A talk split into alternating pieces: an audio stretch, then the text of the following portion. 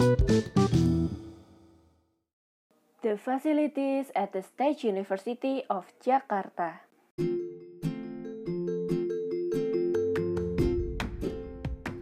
Next, I want to talk about the facilities at the State University of Jakarta.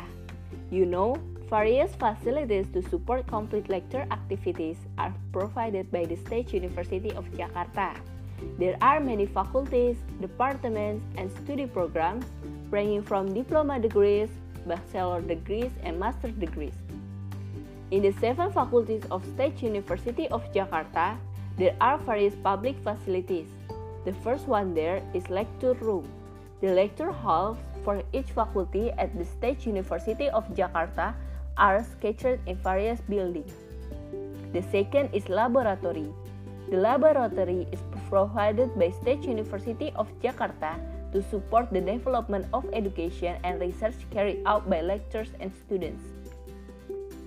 This laboratory is equipped with computer, teaching aids, simulated organ, television, tape recorder, loudspeaker, earphone, substance or chemical, and technical material available according to the needs of the faculty.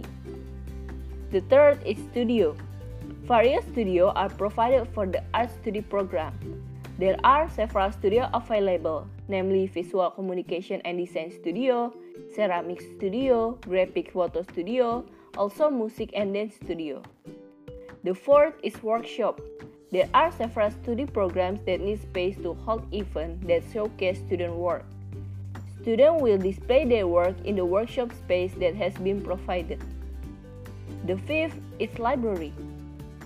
This library facilitates students in terms of knowledge search with an open service system for book collection, can be borrowed, and closed for collection of scientific work right on site.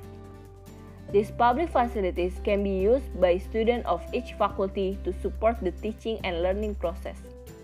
Facilities then can be used by students in addition to facilities that support the teaching and learning process are bank, ATM, polyclinics, student buildings, multi-purpose buildings, hall, student activities unit building, canteen, and State University of Jakarta guest house.